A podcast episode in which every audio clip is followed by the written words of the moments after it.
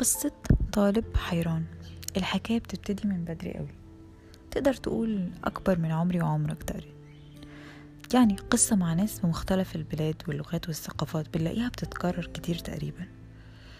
هتلاقي فيها نفس التفاصيل ونفس الفكرة. في ناس كل اللي يعرفوه إن هما الجزء اللي ممكن يكون كبير شوية من المجتمع وعليه مسؤوليات يمكن أكتر من جزء تاني. مسؤولية حاجة مش فاهمها قوي ساعات. بس كل اللي بيكون فاهمه وقتها إنها ما بقتش حاجة تخصه لوحده وبس. تعال نبدأ الحكاية من الأول. طالب بيروح مدرسته بيحلم يكون محامي مهندس دكتور. وخليني أحكي لكم مثلا عن التلاتة دول بس دلوقتي. مش عشان دول بس اللي عليهم مسؤولية والباقي لأ بس يمكن عشان حكايتي كان فيها التلاتة دول أكتر من غيرهم. من حوالي سنين كتير كان في معيدة في الجامعة. في محاضرة مش فاكرة إذا أنا كنت مركزة فيها قوي كده على قد ما أنا كنت مركزة جدا في الجملة اللي ختمت بيها المحاضرة دي. قالت إن الدكتور والمحامي والمهندس دول لوحدهم كده ما ينفعش يكونوا شبه حد. قالت عشان دول الناس اللي مش ينفع تعيش عشان نفسها. ولو ضميرهم مش كان أساس أي حاجة بيعملوها مش هينفع حد يعمل أي حاجة بعدهم. خليني أنا أقول لكم بقى. أنا فكرت إزاي في الكلام ده وقتها. وإيه علاقة الكلام ده بحكاية الطالب الحيران إن أنا جاي أحكيها؟ خلونا نتخيل كده.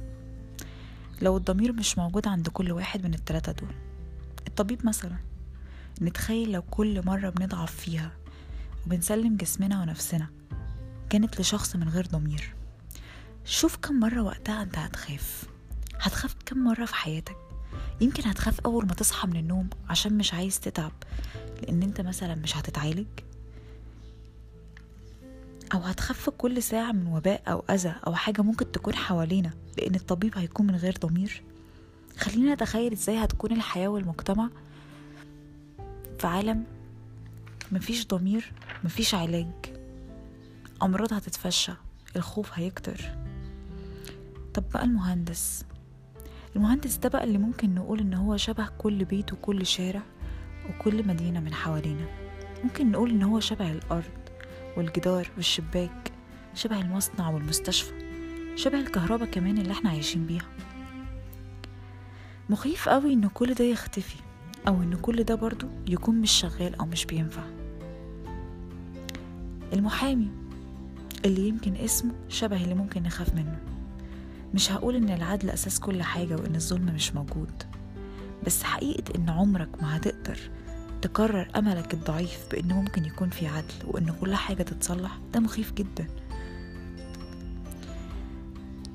كل اللي أنا أقدر أفكر فيه إن هي كان معاها حق قوي المعيدة بتاعتي كان معاها حق بجد فعلا في إن هي تختار التلاتة دول وتحطهم لوحدهم في خانة بعيدة عن التفاصيل التانية الكتير.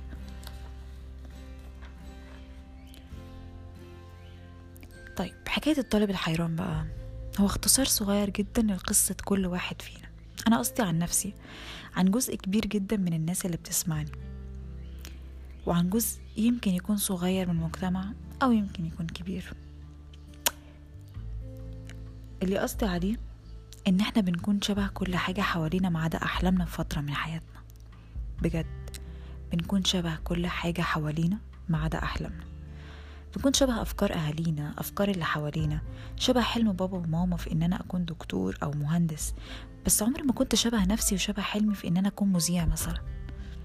أيوة مذيع. كنت فاكر إن اللي بابا وماما عايزينه ده المهنة أو الوظيفة اللي ممكن تضمن مستقبلي وإن الأحلام اللي زي إنك تكون فنان ممثل مغني رسام مذيع أو حاجات كتير. ممكن تتحقق جنب الحاجة الأساسية اللي بابا وماما والدنيا حواليا كانت بتزقني عليها. ما أنا جايبة مجموع كبير بقى. سؤال أخير هنا. هختم كلامي بيه. ليه ما كنتش ح...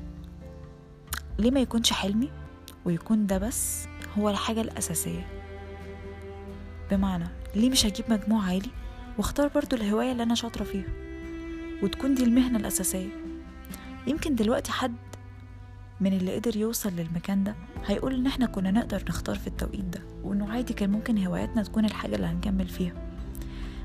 بس هقوله إن أكيد في عدد كبير جدا ويمكن شريحة أكبر من الناس ما كانتش الحاجة اللي شبه نفسها. بتكون فعلا شبه كل حاجة حواليها ما عدا الحلم اللي هي بتحلم بيه. فدي بس كلها قصة الطالب الحيران.